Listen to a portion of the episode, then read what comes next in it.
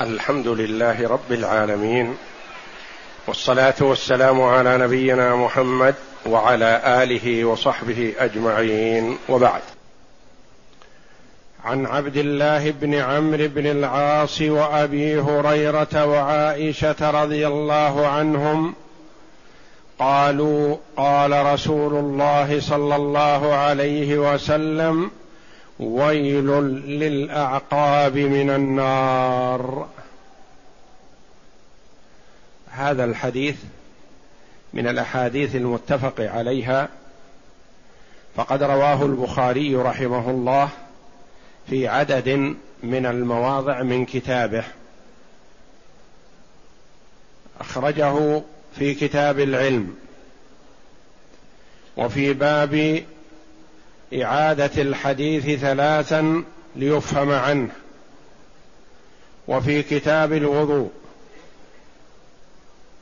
وأخرجه مسلم رحمه الله في كتاب الطهارة. وأخرجه أحمد في المسند. وأبو داود في كتاب الطهارة في باب إسباغ الوضوء. والنسائي في المجتبى في كتاب الطهارة وفي السنن الكبرى وابن ماجة في كتاب الطهارة وسننها والدارمي في سننه وأبو عوانة في مسنده وابن خزيمة في صحيحه وابن حبان في صحيحه والطحاوي في شرح معاني الآثار. والبيهقي في السنن الكبرى والبغوي في شرح السنة. هؤلاء الأئمة الأعلام رحمهم الله أخرجوا هذا الحديث الصحيح. ويل للأعقاب من النار. وهذا الحديث له سبب كما أخرجه البخاري رحمه الله.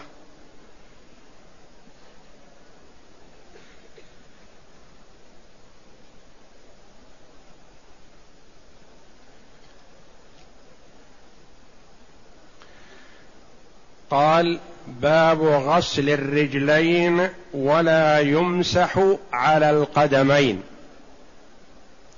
عن عبد الله بن عمرو بن العاص رضي الله عنهما قال تخلف النبي صلى الله عليه وسلم عنا في سفرة فأدركنا وقد أرهقنا العصر فجعلنا نتوضأ ونمسح على أرجلنا فنادى بأعلى صوته ويل للأعقاب من النار.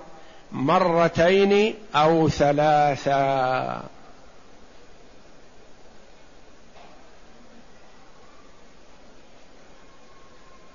والبخاري رحمه الله أخرجه في مواضع في باب الوضوء وغسل الرجلين وأنه لا يجزئ المسح وأخرجه في باب العلم وفي باب التعليم ورفع الصوت بالتعليم وتكرار ذلك. ثلاثا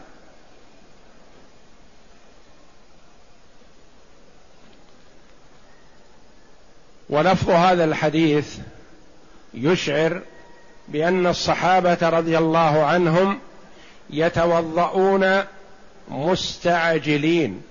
يقول فجعلنا نتوضأ ونمسح على أرجلنا.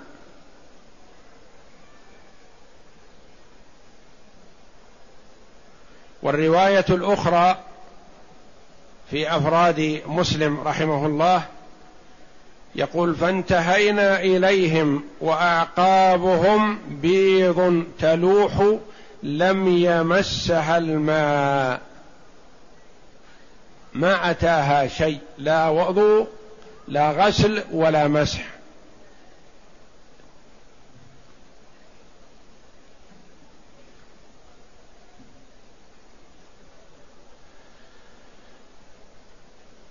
فكان سبب قول النبي صلى الله عليه وسلم هذا الحديث أنه رأى الأعقاب لم يمسها الماء.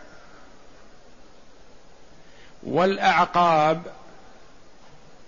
هي مؤخرة القدم. وويل فسر بتفسيرات من أوضحها وأثبتها أنه واد في جهنم. فتوعد النبي صلى الله عليه وسلم الأقدام التي لم يمسها الماء بالغسل بويل بالعذاب. ولا يتوعد بعذاب في نار جهنم إلا من ترك واجبا. وهذا الواجب هو غسل الأقدام. وتعميم الغسل للقدمين. فلذا قال الصحابة رضي الله عنهم وكثير من السلف أن الواجب هو غسل القدمين. ولا يجزئ غير ذلك.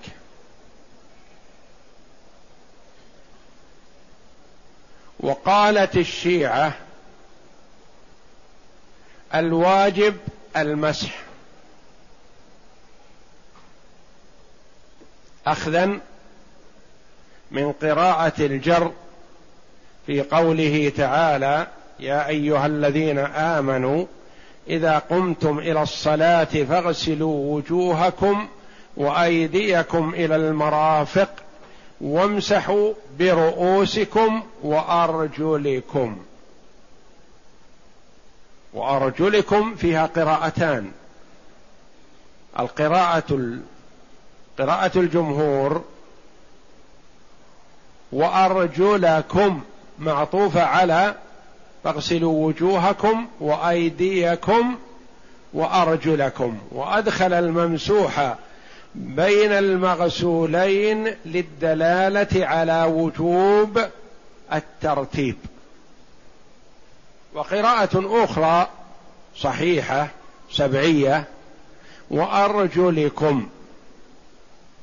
فالشيعة قالوا المسح على الأرجل كالمسح على الرأس لأنه معطوف عليه. وروي عن ابن جرير رحمه الله وغيره بجواز المسح والغسل.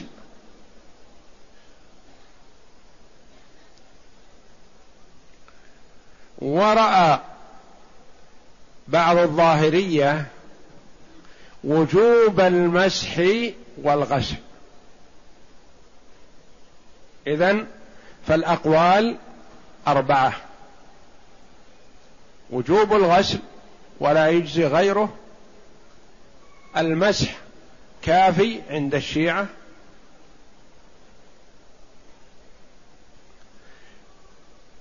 المسح أو الغسل عند بعض العلماء. المسح والغسل وجوب الاثنين عند بعض العلماء. كما نقل ذلك الإمام النووي رحمه الله.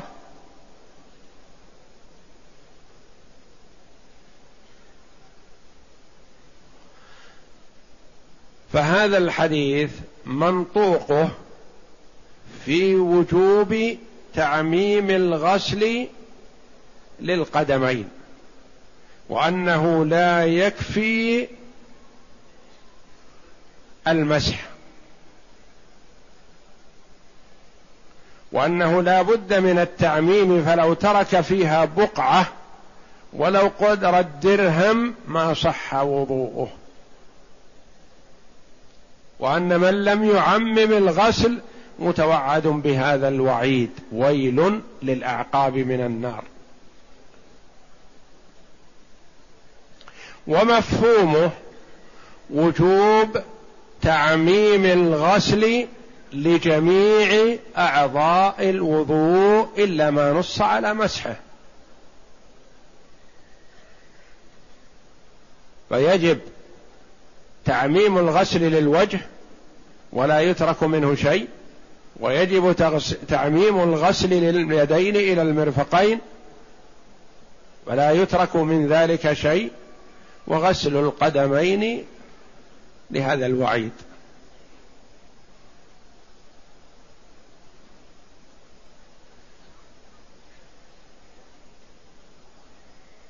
ويل للأعقاب من النار. وأخذ من هذا الحديث جواز رفع الصوت للتعليم. ولو جاء التعليم على سبيل الإنكار لتدارك ما فات. وجواز التكرير ليفهم عنه مرتين أو ثلاثة كما جاء في منطوق رواية البخاري رحمه الله.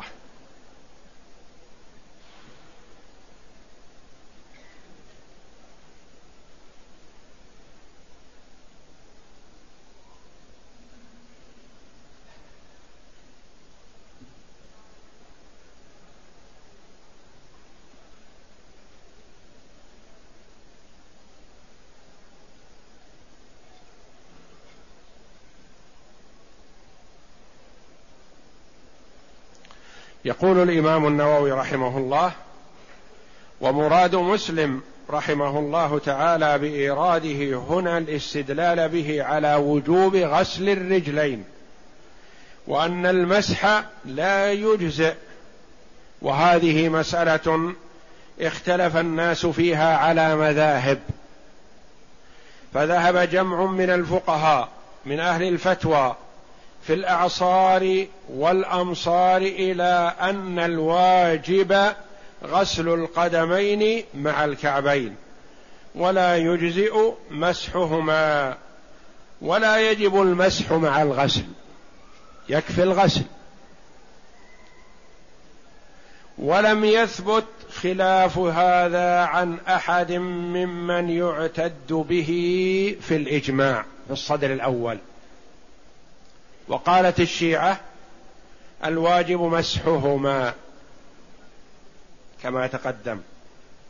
وقال محمد بن جرير والجبائي رأس المعتزلة يتخير بين المسح والغسل. قالوا إن مسح يكفي وإن غسل يكفي.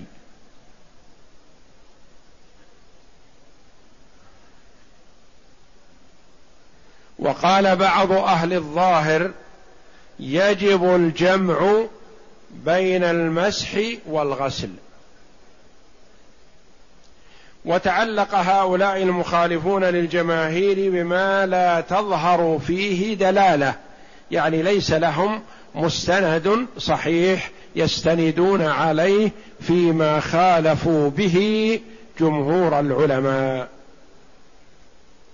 يقول رحمه الله من أراد من أراد الاستزادة وقد أوضحت دلائل المسألة من الكتاب والسنة وشواهدها وجواب ما تعلق به المخالفون بأبسط العبارات المنقحات في شرح المهذب. شرح المهذب في فقه الشافعية للإمام النووي رحمه الله. بحيث لم يبق للمخالف شبهة أصلا إلا وضح جوابها من غير وجه. والمقصود هنا يعني في كتابه على مسلم هو شرح متون الأحاديث وألفاظها دون بسط الأدلة وأجوبة المخالفين. يقول رحمه الله ومن أخصر ما نذكره يعني دليلا أن جميع من وصف وضوء رسول الله صلى الله عليه وسلم في مواطن مختلفة وعلى صفات متعددة متفقون على غسل الرجلين. وقوله صلى الله عليه وسلم ويل للأعقاب من النار وقد توعدها بالنار لعدم طهارتها ولو كان المسح كافيا لما توعد به من ترك غسل عقبيه. وقد صح من حديث عمرو بن شعيب عن أبيه عن جده أن رجلا قال يا رسول الله كيف الطهور؟ فدعا بماء فغسل كفيه ثلاثا إلى أن قال ثم غسل رجليه ثلاثا ثم قال هكذا الوضوء فمن زاد على هذا أو نقص فقد أساء وظلم. فمن زاد على هذا دخل في الوسوسة أن الزيادة على ثلاث وسوسة. فقد أساء وظلم. فهذا الحديث الصحيح الذي أخرجه هؤلاء الأئمة رحمة الله عليهم وثبتوه دليل على وجوب غسل ما يجب غسله من أعضاء الوضوء تعميما ولا يجوز ترك شيء منها. وقد أمر النبي صلى الله عليه وسلم من رأى في قدمه قدر الدرهم لم يصبها الماء بالإعادة. أمره بإعادة الوضوء. لأنه رأى في قدمه قدر الدرهم لم يصبها الماء. وقد قال عليه الصلاة والسلام ألا أدلكم على ما يرفع الله به الدرجات ويمحو به الخطايا؟ قالوا بلى يا رسول الله. قال إسباغ الوضوء على المكاره وكثرة الخطى إلى المساجد وانتظار الصلاة بعد الصلاة فذلكم الرباط فذلكم الرباط. والله أعلم وصلى الله وسلم وبارك على عبده ورسول نبينا محمد وعلى آله وصحبه أجمعين.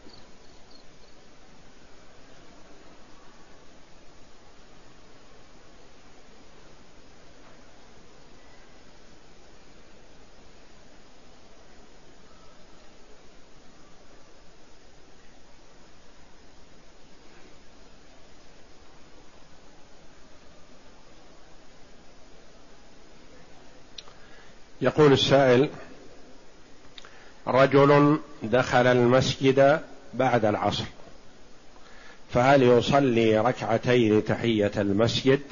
الجواب نعم.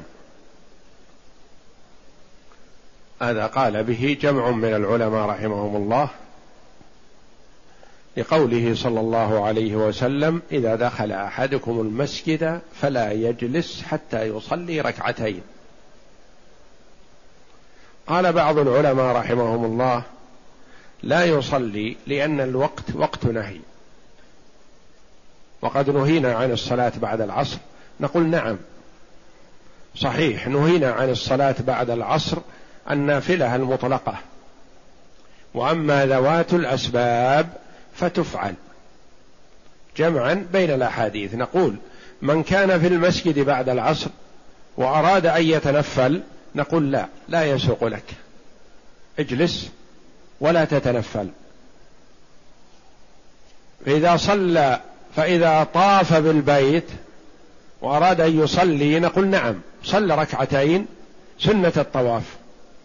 دخل المسجد بعد العصر نقول صلى ركعتين تحية المسجد. فنجمع بين الأحاديث بأن من كان جالسا في المسجد فلا يقوم للنافلة. ومن كان لنافلته سبب يؤديها. الطواف لقوله صلى الله عليه وسلم يا بني عبد مناف لا تمنعوا احدا طاف بهذا البيت وصلى فيه. طاف وصلى. فبعد الطواف تسن الصلاة. وقول صلى الله عليه وسلم إذا دخل أحدكم المسجد فلا يجلس حتى يصلي ركعتين.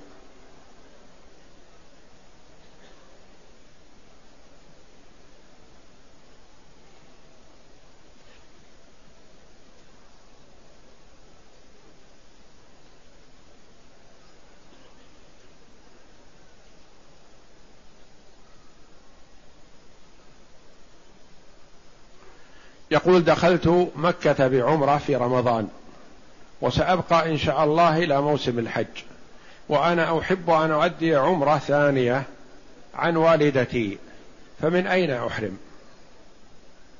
نقول إذا سافرت إلى مكان ما المدينة أو جدة أو الطائف فأتي بعمرة عمن شئت وتكون متمتعا ويكون عليك هدي التمتع.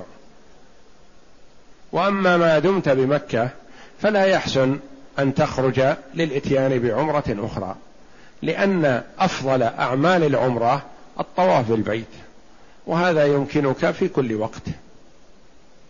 فبدل ما تخرج أكثر من الطواف بالبيت وادع لمن أحببت ادع لوالديك ادع لإخوانك المسلمين ادع لذريتك ادع لولاة أمر المسلمين بالصلاح والتوفيق والهداية وتحكيم كتاب الله وسنة رسوله صلى الله عليه وسلم.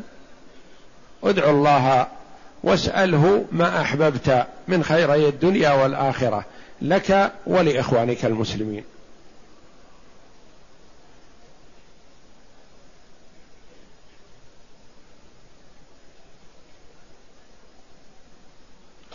تقول السائلة بلغت سن المحيض ولي عادة شهرية معينة من كل شهر ولم تتغير. حتى ناهزت السادسة والخمسين من عمري فقيل لا يمنعنك الحيض من الصلاة والأمور الدينية لأن ما بعد الخمسين يعد استحاضة. وأقول إذا كانت عادتك هكذا منتظمة منذ بلغت إلى اليوم ولم تتغير فذلك حيض.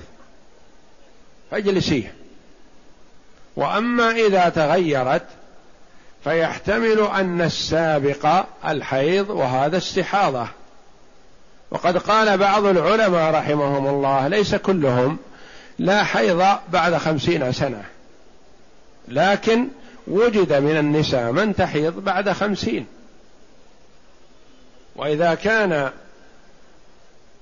حيضها منتظم ومستمر على ما كان عليه من قبل فذلك حيض وتجلسه ولا حرج عليها. وأما إن تغير واختلف فيحتمل أن الأول حيض وأن الأخير استحاضة.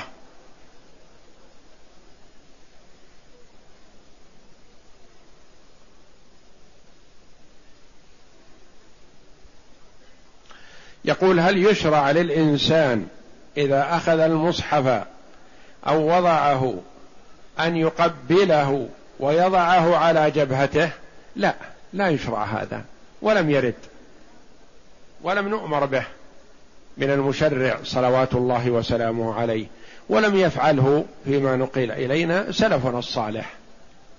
وإنما تعظيم كتاب الله بقراءته وتدبره والعمل بما فيه. هذا التعظيم. ليس التعظيم بتقبيله لأنه لم يرد. ولم نتعبد بهذا ولا أن نسجد عليه لا. وإنما تعظيم كتاب الله جل وعلا بتدبره وتأمله وقراءته وترتيله والعمل بما فيه.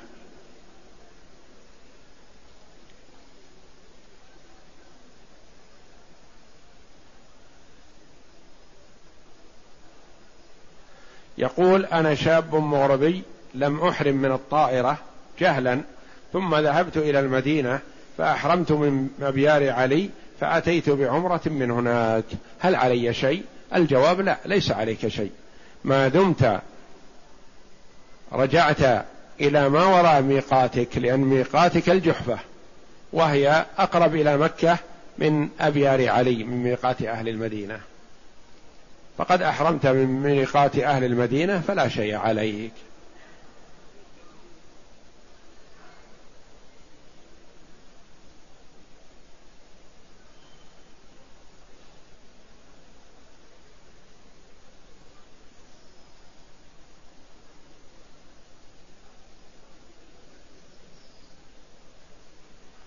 يقول معي زوجتي وزوجة أخي.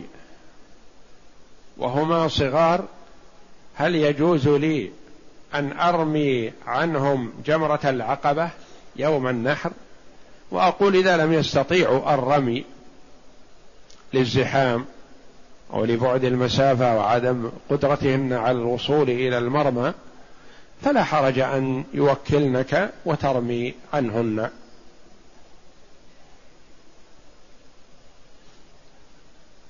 يقول هل ختان الأنثى من السنة؟ لا بل هو جائز وليس من السنة فيما يظهر لي والله أعلم وإنما هو جائز.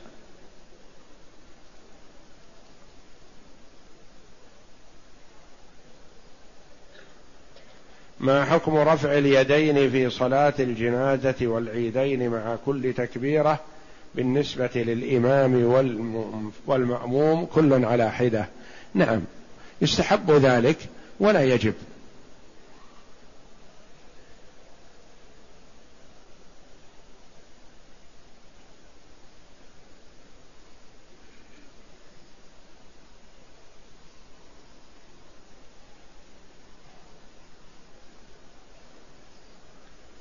يقول المرأة يجب عليها العمرة والحج. وسؤالي من نوى العمرة مع الحج وجاء إلى الحج هل يجب عليه هدي؟ إذا أحرم قارنا بالعمرة والحج معا وجب عليه هدي القرآن. وإذا أحرم بالعمرة متمتعا بها إلى الحج ثم أحرم بالحج بعد ذلك وجب عليه هدي التمتع.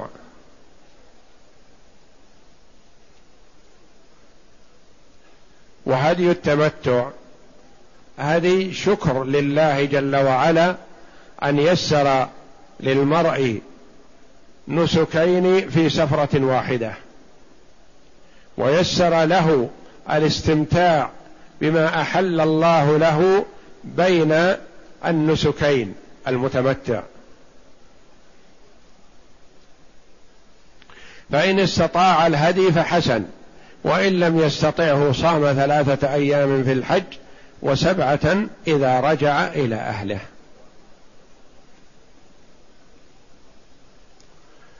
ولا ينبغي للمرء أن يتهرب عن هدي التمتع والقران لأن هذا هدي شكر لله وحكمه حكم الأضحية من حيث الأكل أنه يأكل منه ويتصدق ويهدي. بخلاف هدي الجبران فحاول قدر المستطاع أن تخلص منه. لأنك إذا لم تخطئ فلا يكون عليك هدي جبران. وأنا أقول احرص على أن لا تخطئ. احرص على أن يكون نسكك كاملا من كل وجه. فإذا كان كامل ما وجب عليك هدي جبران. لأن هدي الجبران يجب على المخطئ. وأن تحرص على ألا تخطي حتى لا يجب عليك. ففرق بين الهديين. هدي الجبران احرص على التخلص منه ولا تقع فيه. وهدي التمتع والقران ائت به لأنه هدي شكر لله جل وعلا. فالتمتع والقران أفضل من الإفراد الذي ليس فيه هدي.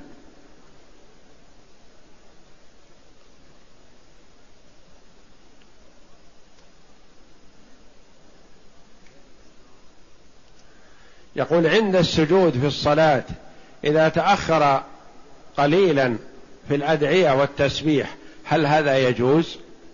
إن كان منفرد يصلي وحده فله أن يطيل ما شاء. وأما إن كان مع الإمام فلا يتخلف عن الإمام إنما جعل الإمام ليؤتم به. فإذا نهض فانهض ولا تمكث وتتركه يأتي بالركن الذي يليه وثم يفوتك. وإنما اتبعه إنما جعل الإمام ليؤتم به.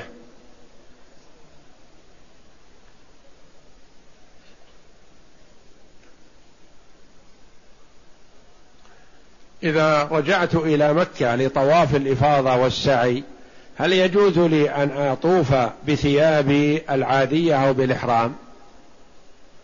إن كنت رميت جمرة العقبة وحلقت أو قصرت فلك ان وأما إن كنت لم تأتي بالإثنين رميت ولم تحلق ولم تقصر أو حلقت ولم ترمي فيجب إذا أردت أن تطوف بعد ذلك أن تطوف بثياب الإحرام لأن التحلل الأول يحصل باثنين من ثلاثة. رمي جمره العقبة والحلق أو التقصير والطواف بالبيت مع السعي إذا كان عليك سعي. فإذا أتيت باثنين من هذه الثلاثة جاز لك أن تلبس ملابسك العادية وأن تكمل بملابسك العادية. فمثلا لو رميت جمرة العقبة وحلقت أو قصرت نقول نعم إلبس ملابسك العادية وتطيب إلا أنك لا تقرب امرأتك. وادخل إلى مكة وطف طواف الإفاضة واسعى أن كان عليك سعي ثم حل لك كل شيء حتى النساء. رميت جمرة العقبة وطفت ولم تحلق ولم تقصر. تحلل التحلل الأول ولا يحصل لك التحلل الثاني حتى تحلق أو تقصر وهكذا.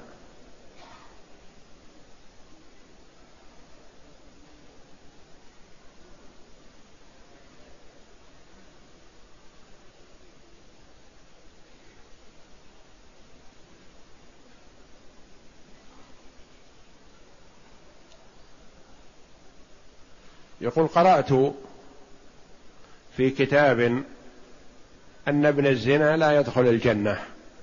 لا يا أخي هذا ما يثبت. لأن ابن الزنا ما ذنبه؟ ولا تزر وازرة وزر أخرى. فإذا كان أبواه أخطأ فما ذنبه هو؟ هو إذا عمل صالحا فله ما لغيره وعليه ما على غيره من المسلمين.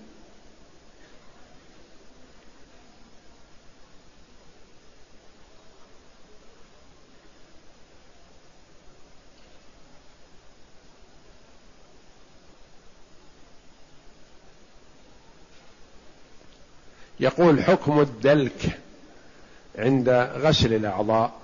أقول الدلك مستحب ولا يجب إلا إذا نبى الماء إذا كان في العضو الذي يراد غسله مادة دهنية ينبو عنها الماء بسبب هذا فيدلك حينئذ وإلا فلا يجب الدلك.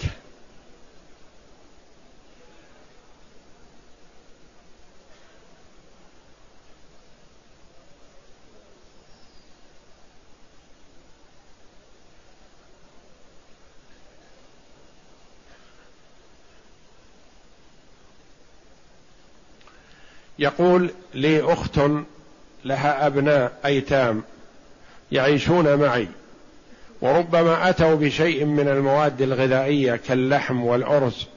هل يجوز لي ولبقية الأسرة أن نأكل مما أتوا به؟ وأقول نعم إذا كانوا هم عندكم في البيت ويأكلون من طعامكم وأنت تنفق عليهم. فما يأتون به لا حرج أن تأكلوا معهم مثلما أنك تنفق عليهم. وعزلهم قد يكون فيه نقيصه عليهم وتأثر وأن هذا لا يأكل منه إلا هؤلاء لأنهم أيتام. لا. والنبي صلى الله عليه وسلم لما سأل أهله هل عندكم من شيء؟ قالوا عندنا لحم. تصدق به على بريرة. بريرة مولاة خادمة في بيت النبي صلى الله عليه وسلم.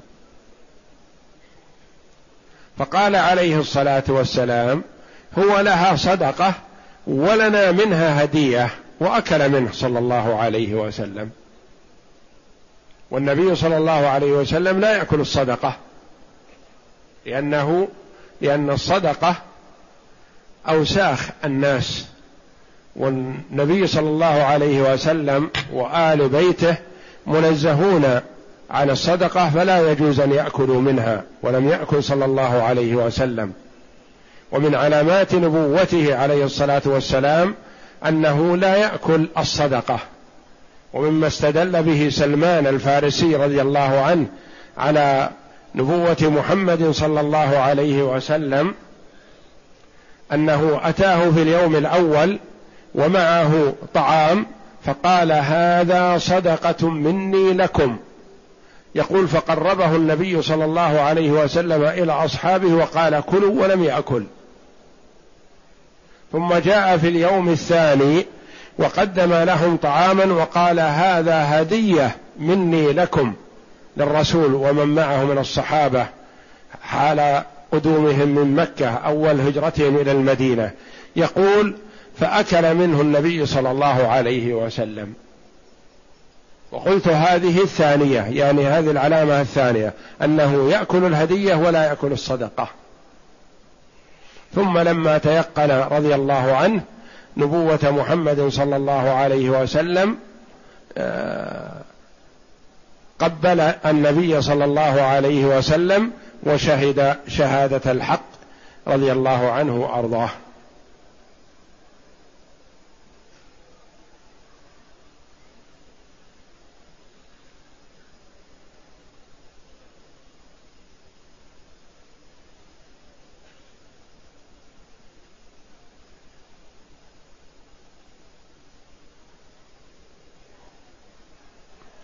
يقول لي زوجة تصافح الرجال الأجانب وتتابع ذلك.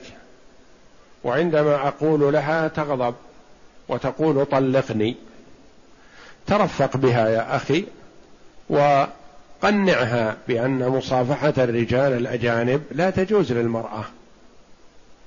والنبي صلى الله عليه وسلم القدوة الحسنة لأمته تقول عائشة ما مست يد رسول الله صلى الله عليه وسلم يد امرأة لا تحل له. وكان النبي عليه الصلاة والسلام يبايع النساء كما يبايع الرجال لكنه يبايع النساء كلاما بدون مصافحة ويبايع الرجال مصافحة. فلا تجوز مصافحة المرأة للرجال الأجانب.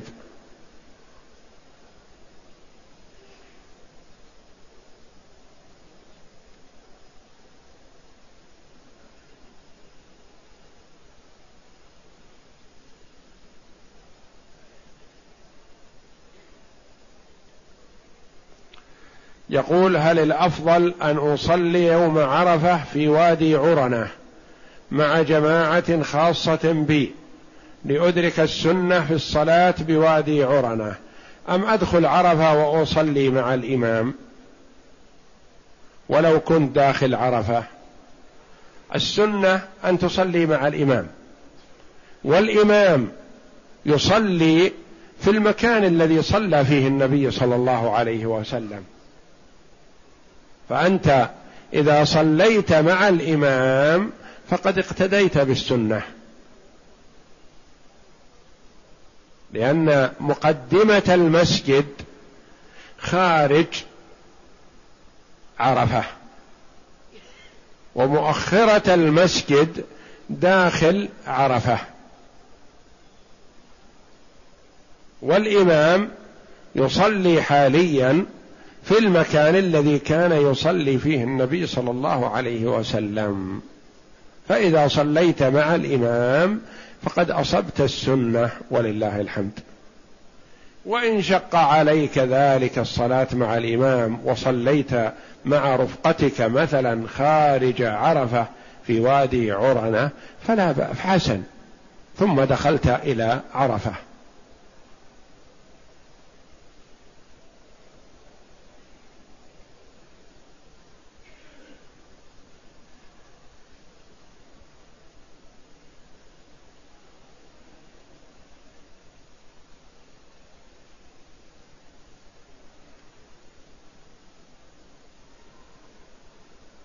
يقول أحرمت من جدة بحجة يوم التروية ووقفت بعرفة وبت بمزدلفة ورميت جمرة العقبة وحلقت شعري وفي اليوم أحد عشر واثنى عشر رميت الجمرة الجمار الثلاث بسبع حصيات وأخيرا طفت طواف الوداع وذهبت إلى بلدي. هل يجب علي هدي؟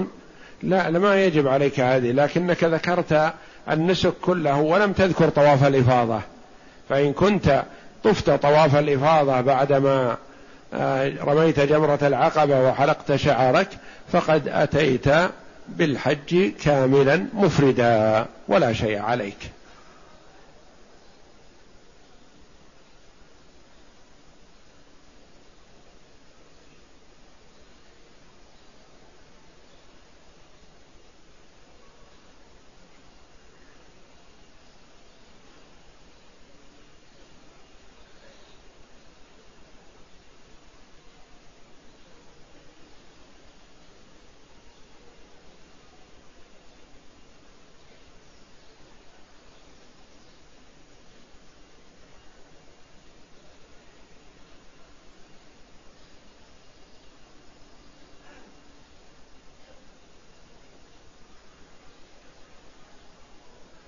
رجل سافر إلى بلد بعيد وتوفي هناك ولم تعرف زوجته إلا بعد انتهاء العدة فماذا عليها في ذلك؟ ليس عليها شيء لأن عدة الوفاة تحتسب من يوم وفاته علمت الزوجة أو لم تعلم. فإذا لم تعلم مثلا إلا بعد مضي عش أربعة أشهر نقول ما بقي عليها من العدة إلا عشرة أيام. وإذا علمت بعد أربعة أشهر وخمسة أيام ما بقي عليها من العدة التي تعتدها إلا خمسة أيام. فإذا لم تعلم بوفاته إلا بعد مضي أربعة أشهر وعشرة أيام أو أكثر من ذلك فنقول ما بقي من عدتها شيء. ليس عليها شيء ولا إثم لأنها لم تعلم.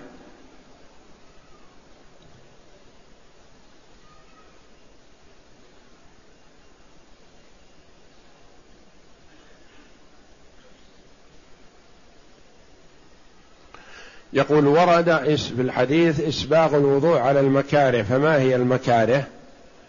المكاره يعني شدة. ما يكرهه الإنسان.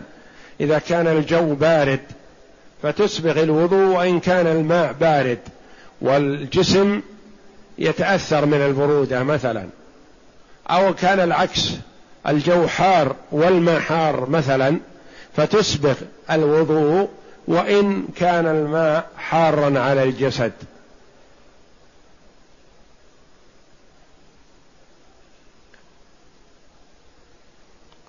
يقول السائل زوجة الجد لأب وزوجة الجد لأم هل هن محارم؟ الجواب نعم كل زوجة لأب لك من جهة الأب أو من جهة الأم فأنت محرم لهن لأنهن من زوجات الآباء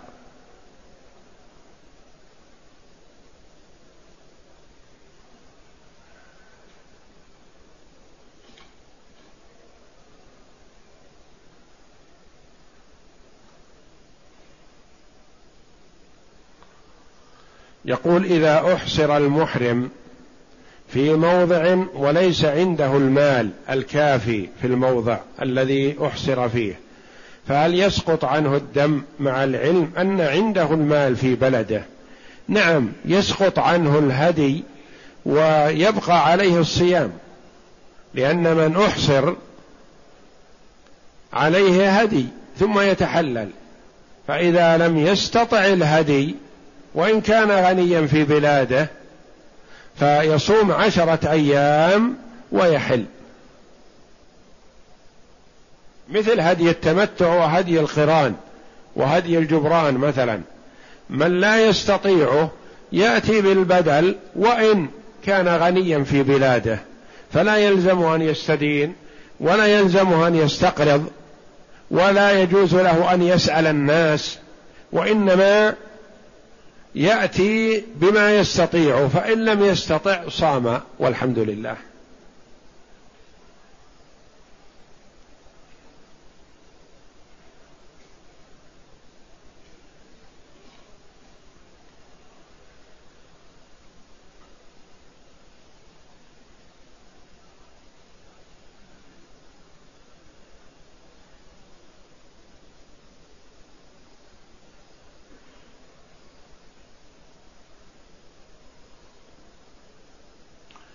يقول في الزحام تكون المرأة متعلقة بزوجها فهل هذا له تأثير على الإحرام أم لا؟ لا ليس له تأثير إذا أخذ بيدها أو مسكت بيده أو مسكت بإحرامه أو نحو ذلك خشية الضياع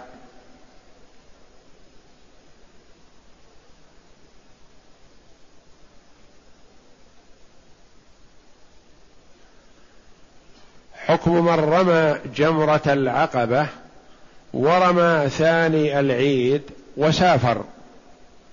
بقي عليه أمور وإلا أركان الحج تمت لكن بقي عليه المبيت بمنى وبقي عليه الرمي اليوم الثاني عشر لأنه رمى ثاني العيد يعني رمى يوم العيد ورمى يوم 11 فبقي عليه الرمي يوم اثنى عشر وبقي عليه المبيت ليلة اثنى عشر وبقي عليه طواف الوداع. وكل واحد من هذه يجبره دم.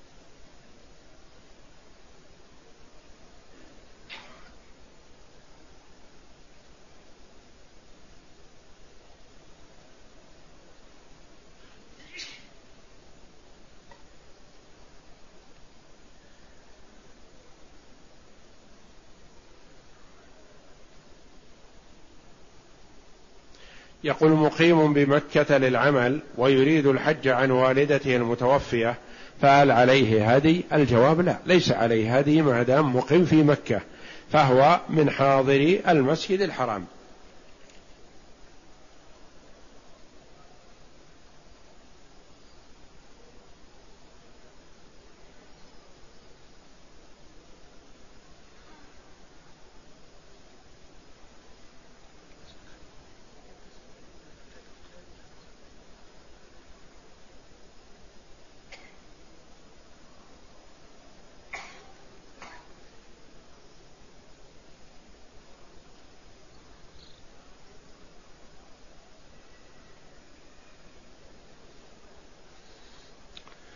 لقد قلت من رأى في رجليه قدر درهم فليعيد الوضوء. فهل يعيد كل الوضوء أم القدمين فقط؟ أقول إذا كان الوقت قريب ولم تنشف الأعضاء فيغسل القدمين فقط. وأما إذا كانت قد نشفت الأعضاء فلا بد أن يعيد الوضوء لأنه لازم من الترتيب والموالاة.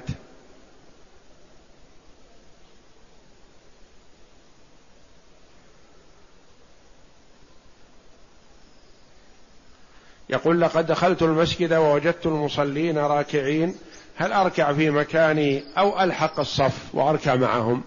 الأولى أن تلحق الصف وتدخل في الصف فإذا دخلت إن أمكنك الركوع والا تقضي ما فاتك. ولا تركع بعيدا عن الصف.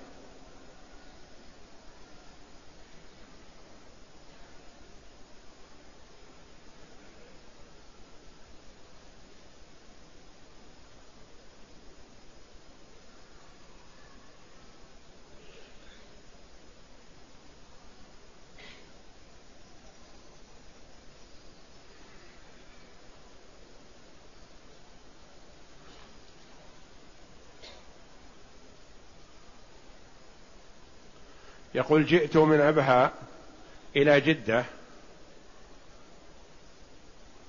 ثم وأنا في جدة عزمت على أن آتي بعمرة. فمن أين أحرم؟ تحرم من جدة. لأنك حينما جئت من أبها إلى جدة ما كنت تريد العمرة كما ذكرت وإنما تريد جدة. ثم عزمت بعد ذلك على العمرة فأحرم من مكانك.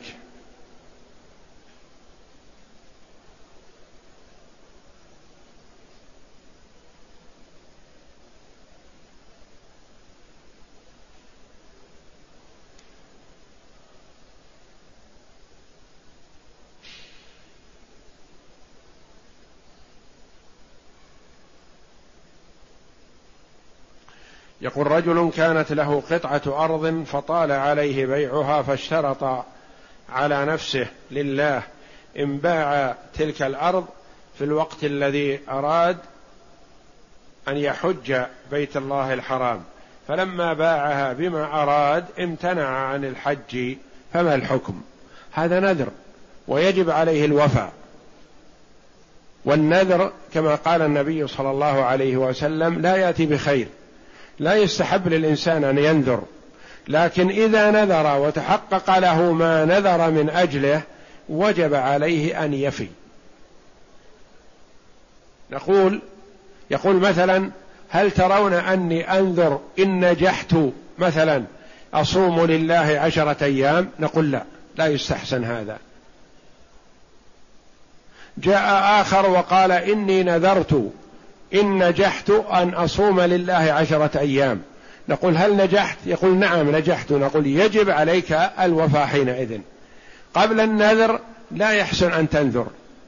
فإذا نذرت وتحقق لك ما نذرت وجب عليك أن تفي وهكذا في كل شيء.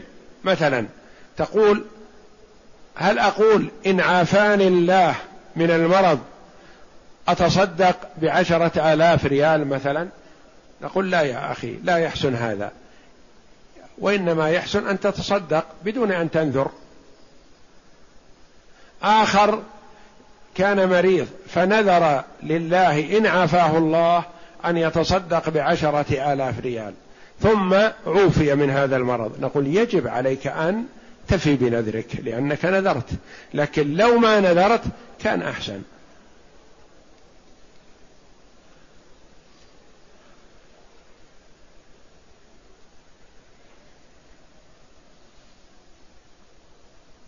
يقول هل يجوز لنا أن نبقى في منى حتى نكمل أيام الرمي ثم نعود إلى مكة لنطوف ونسعى؟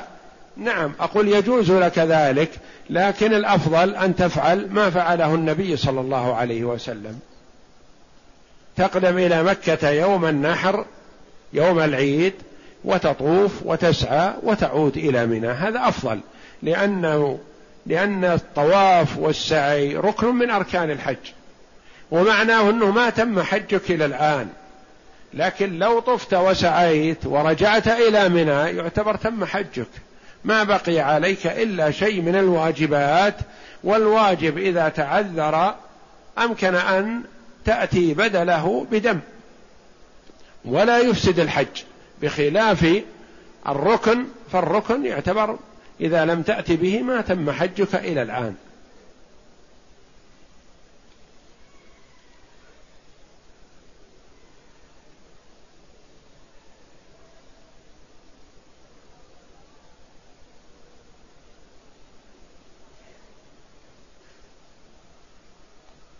يقول ما المراد بقولك بعض الظاهر؟ أنا ما قلت بعض الظاهر بعض الظاهرية. والظاهرية مذهب من المذاهب الذين يأخذون بظاهر الأحاديث. ولهذا قالوا يجب الغسل والمسح. الظاهرية طائفة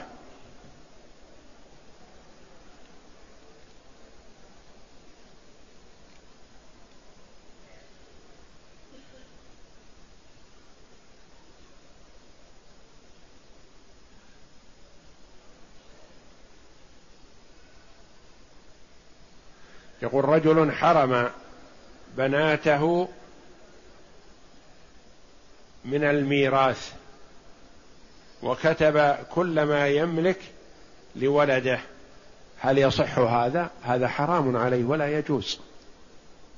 يحرم وهذه من عادة الجاهلية وهذه من أفعال الجاهلية الذين يمنعون ويحرمون الإناث من الميراث.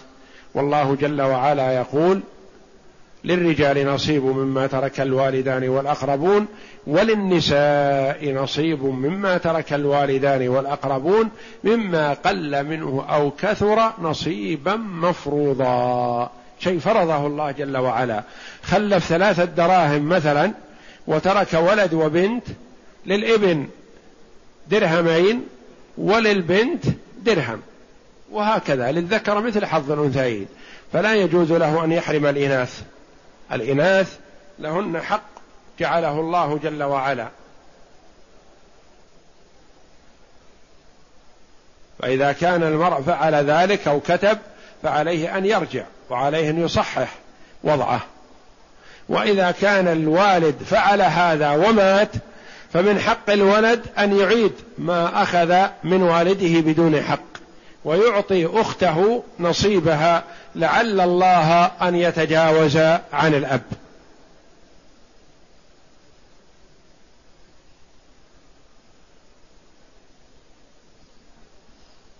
يقول قبل سنة نذرت أن أعتمر وأحج ولم أفي بذلك. فما الكفارة؟ يجب عليك أن تفي إذا قدرت على ذلك. وإذا لم تقدر فلا يكلف الله نفسا إلا وسعها.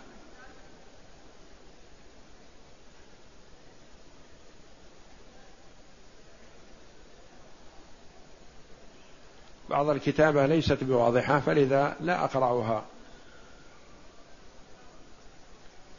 ما اسم أبي زك... سيدنا زكريا؟ ما حاجتك يا أخي؟ اسأل عما تعبدك الله جل وعلا به. هل أحطت علما بكل ما يهمك من أمر الشرع؟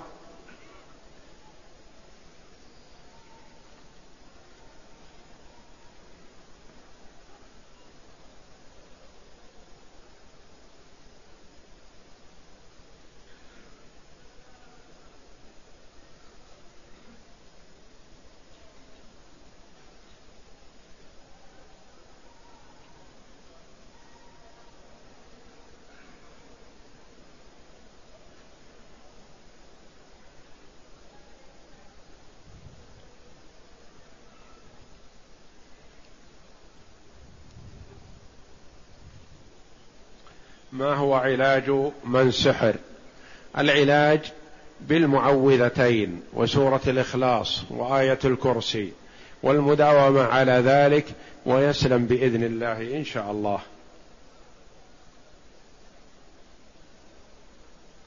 هل الملتزم من الأماكن المستجاب الدعاء عندها؟ نعم هو من الأماكن المستجاب الدعاء فيها وهو يحسن عند القدوم أو عند السفر. والملتزم مكان الالتزام هو من الحجر الأسود إلى الباب أو إلى مدخل الحجر من جهة الباب يلصق ذراعيه وخده وصدره وكفيه بالكعبة ويدعو الله جل وعلا بما أحب من خيري الدنيا والآخرة.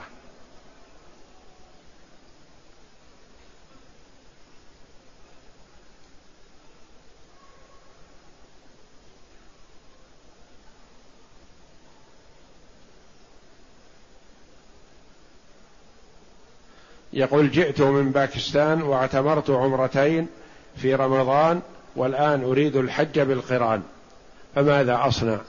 إذا خرجت إلى الميقات وأحرمت بالعمرة مع الحج قرانا فلك ذلك.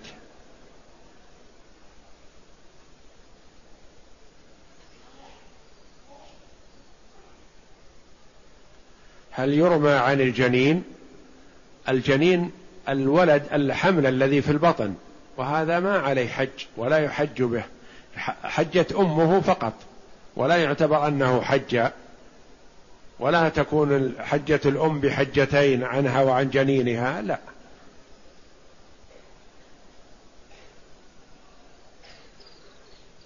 وإذا كان السؤال عن الرمي عن الأم إذا كانت حامل مثلا ويشق عليها الرمي أو تخشى على نفسها فلا حرج أن توكل من يرمي عنها.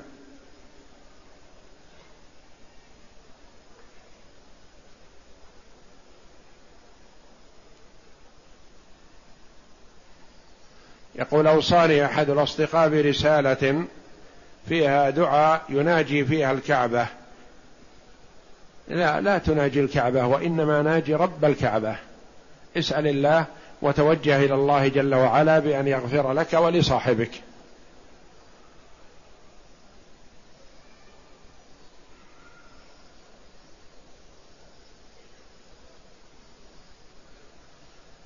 هل يجوز في سجود التلاوة؟ سجود التلاوة سنة. يفعل حتى في أوقات النهي.